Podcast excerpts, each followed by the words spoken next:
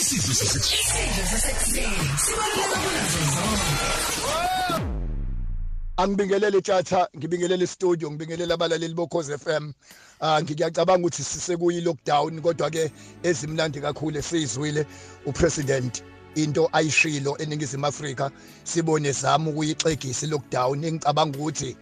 ah ukuba ulimi leBhayibheli besiyothi ukukhala kwethu nezinyembezi zethu kufinyelele ngiyacabanga ukuthi uhulumeni wethu noma abaphathi bethu mangabe bexegisa lockdown kanje lukhona uthando libe khona nozwela lokuthi bakwethu sekwanele kade lento isigcila sini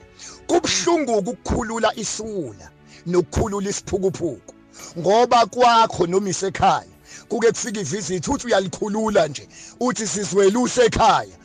awukholwa into oyifita eDining Room uthi uyavuka mhlawumbe uyochitha amanzi ngo10 ebusuku ufika ivisit olikhululile lidla ucheese ngo10 ebusuku ngoba kubhlungu ukukhulula isula nokukhulula isiphukuphuku uhulumeni wethu ke nabaphathi bethu mabesikhulula beyixegisi lockdown kuyoba bhlungu ukuthi bayisole ukuthi kodwa sasixegiselana number 2 kuyoba buhlungu ukuthi nezitha zabaphathi sisizakale ngokuthi nani ixegiselani lockdown Ningizimu Afrika kuyo yonke into uma uma uma ubaba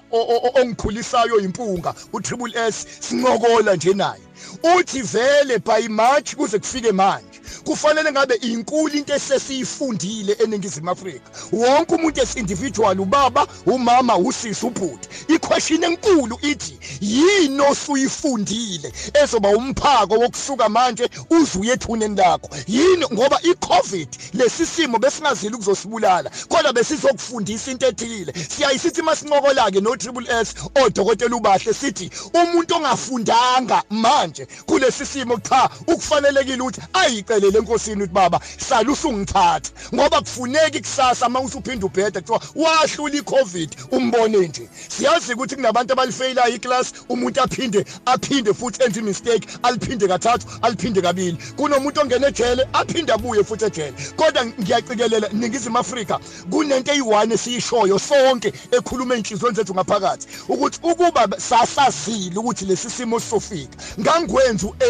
ngangengikwenze u-a no-b no-c kahle kunalento oshoyo ukuthi uba ngangazi ukuthi lockdown iyeza ngange ngiyimosha imali yami ku A no B no C it's one of those things esiyifundile empilweni wena ufundeni usazophinda uyimoshe yini imali usazophinda uyisaphaze yini imali umhobho usazoqhubeka nawo inhliziyo wembu usazoqhubeka nayo ukuhleba usazoqhubeka nako yini oyifundile usazoqhubeka yini nokuba yivila usuyibongele wena uthi hayi ninganginaki mina ngisinoko ngivila sithe emasontweni adlula abantu abazokwazi ukusurvive emva kwalesi simo emva kwalesi storm akubona abantu abafunde kakhulu nabakhuluma isigisi kakhulu kodwa abantu abakwazi ukucabanga basebenza inqondo nabantu abakwazi ukusebenza izandla ake ngiphinde futhi ningizimu afrika abantu abazokwazi ukusurvive kulesikhathi abazosebenza inqondo uyisurround uyihlanganise nabantu enizothelelana nabo ubuchopho nikhulume ngama-ideas nangama-dream singakhulumi ngamagama abantu isikhathi simbi manje zama yonke into engasilona icala provided izobekwa isinkwe etafuleni asehle izilwane esigibele asehle kwipride asehle kuphakameni sengizoyela nje ekupheleni itatha okunye ngifuna sikucikelele sibona o-jays o-gender based violence ukushawa kwabantu besifazane ukuhlukunyezwa kwabo abanye bacoshwe imobeni bacoshwa all over ukureyishwa okukhona